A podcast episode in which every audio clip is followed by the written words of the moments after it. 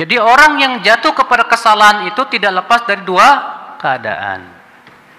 Keadaan yang pertama dia jatuh kepada kesalahan bukan karena ngikutin hawa nafsu bukan. Tapi dia salah dalam berijtihad. Cuma masalahnya apa? Ada orang yang berijtihad dalam permasalahan yang sebetulnya dia nggak boleh berijtihad.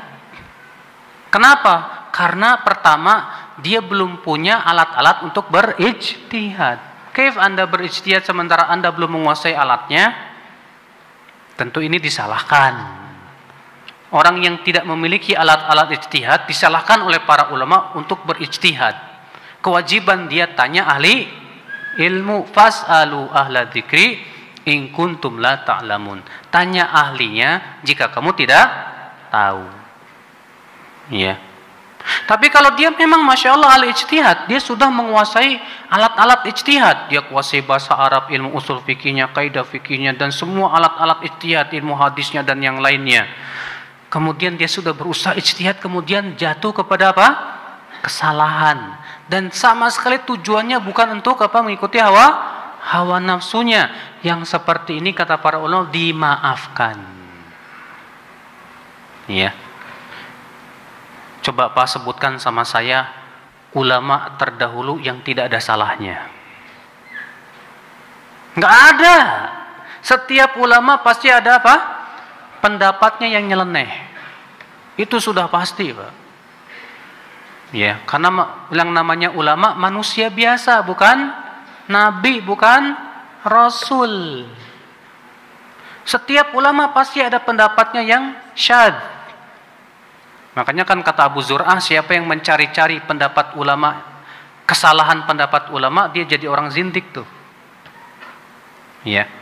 Maka setiap ulama pasti ada pendapatnya yang bisa dikatakan ya syad. Maka apakah berarti kita katakan dia sesat? Tidak. Dia sudah berijtihad. Dia sudah berusaha mencari kebenaran tapi kemudian jatuh kepada kesalahan. Kita maafkan. Kalau itu Masya Allah para ulama ya. Maka dari itulah yang akhul Islam azan ya Allah wa yakum. Kalau kita melihat ada orang yang jatuh kepada kesalahan, kita lihat ini pengikut hawa nafsu apa bukan nih. Kalau ternyata setelah kita melihat indikasi-indikasinya, sudah banyak pula yang menasehatinya, sudah pula yang menegakkan hujannya, tapi ngeyel di atas kebatilannya, itu indikasi kalau dia ngikutin hawa hawa nafsunya, Pak. Iya.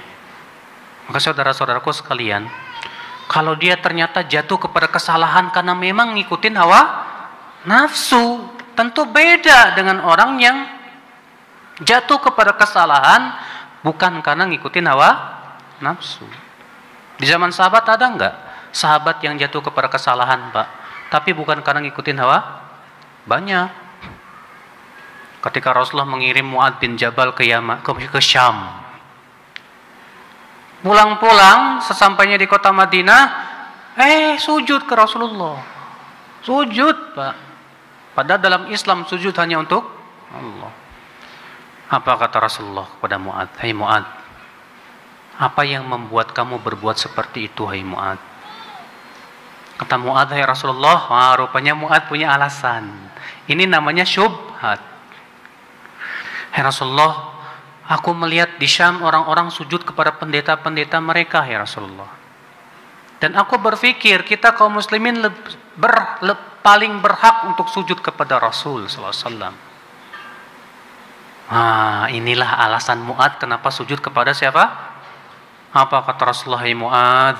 Kalaulah aku perintahkan seseorang untuk bersujud kepada orang lain, aku pasti perintahkan seorang wanita sujud kepada suaminya karena saking besarnya hak suami. Nah, Muad melakukan kesalahan. Karena apa?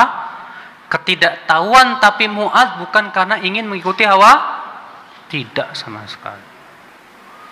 Ketika Rasulullah ingin menyerang Mekah, Pak, dalam Fatu Mekah. Rasulullah menyuruh para sahabat, silent. Jangan sampai berita kaum muslimin mempersiapkan 10 ribu pasukan untuk menyerang kota Mekah bocor ke mereka. Jangan sampai. Eh rupanya ada seorang sahabat yang bernama Hatib bin Abi Balta'ah mengirimkan surat melalui seorang wanita kepada saudaranya yang di Mekah bahwa Rasulullah sudah mempersiapkan 10 ribu pasukan. Maka Allah pun menyampaikan wahyunya ke Rasulullah bahwasanya Hatib mengirimkan surat melalui seorang wanita. Maka Rasulullah pun menyuruh beberapa sahabat untuk mengejar wanita itu dikejar, dipaksa mana suratnya. Ya, akhirnya diserahkan. Dipanggilnya hati oleh Rasulullah. Ini kan kesalahan yang jelas loh, Pak. Ini namanya mengkhianati Allah dan Rasulnya dan kaum mukminin. Dipanggil Hatib.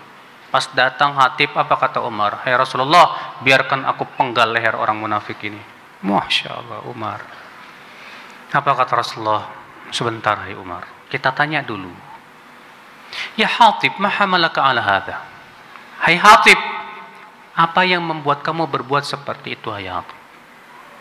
Apa kata Hatib? Demi Allah, aku sama sekali melakukan itu bukan karena ingin mengkhianati Allah dan Rasulnya. Tapi aku hai Rasulullah dahulu aku punya hutang jasa.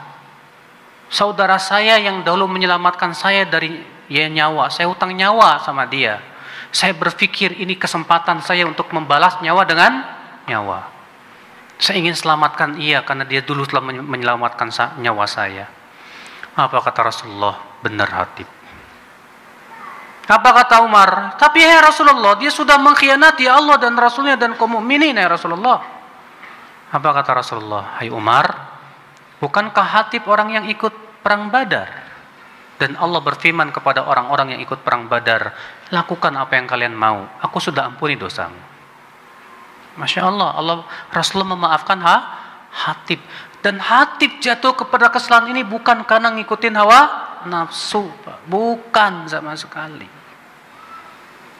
Lihat Bapak sekalian, ternyata Rasulullah membedakan antara orang yang jatuh kepada kesalahan karena ngikutin hawa nafsu dengan orang yang jatuh kepada kesalahan karena tidak mengikuti hawa hawa nafsunya ya akhwal Islam azan ya Allah yakum. Ya. Maka di sini saudaraku sekalian, mengapa Imam Al-Barbahari merasa perlu membahas masalah ini? Karena ternyata tidak setiap orang yang jatuh kepada kesalahan itu tujuannya karena ingin mengikuti hawa nafsu. Yang sesat itu siapa? Hah?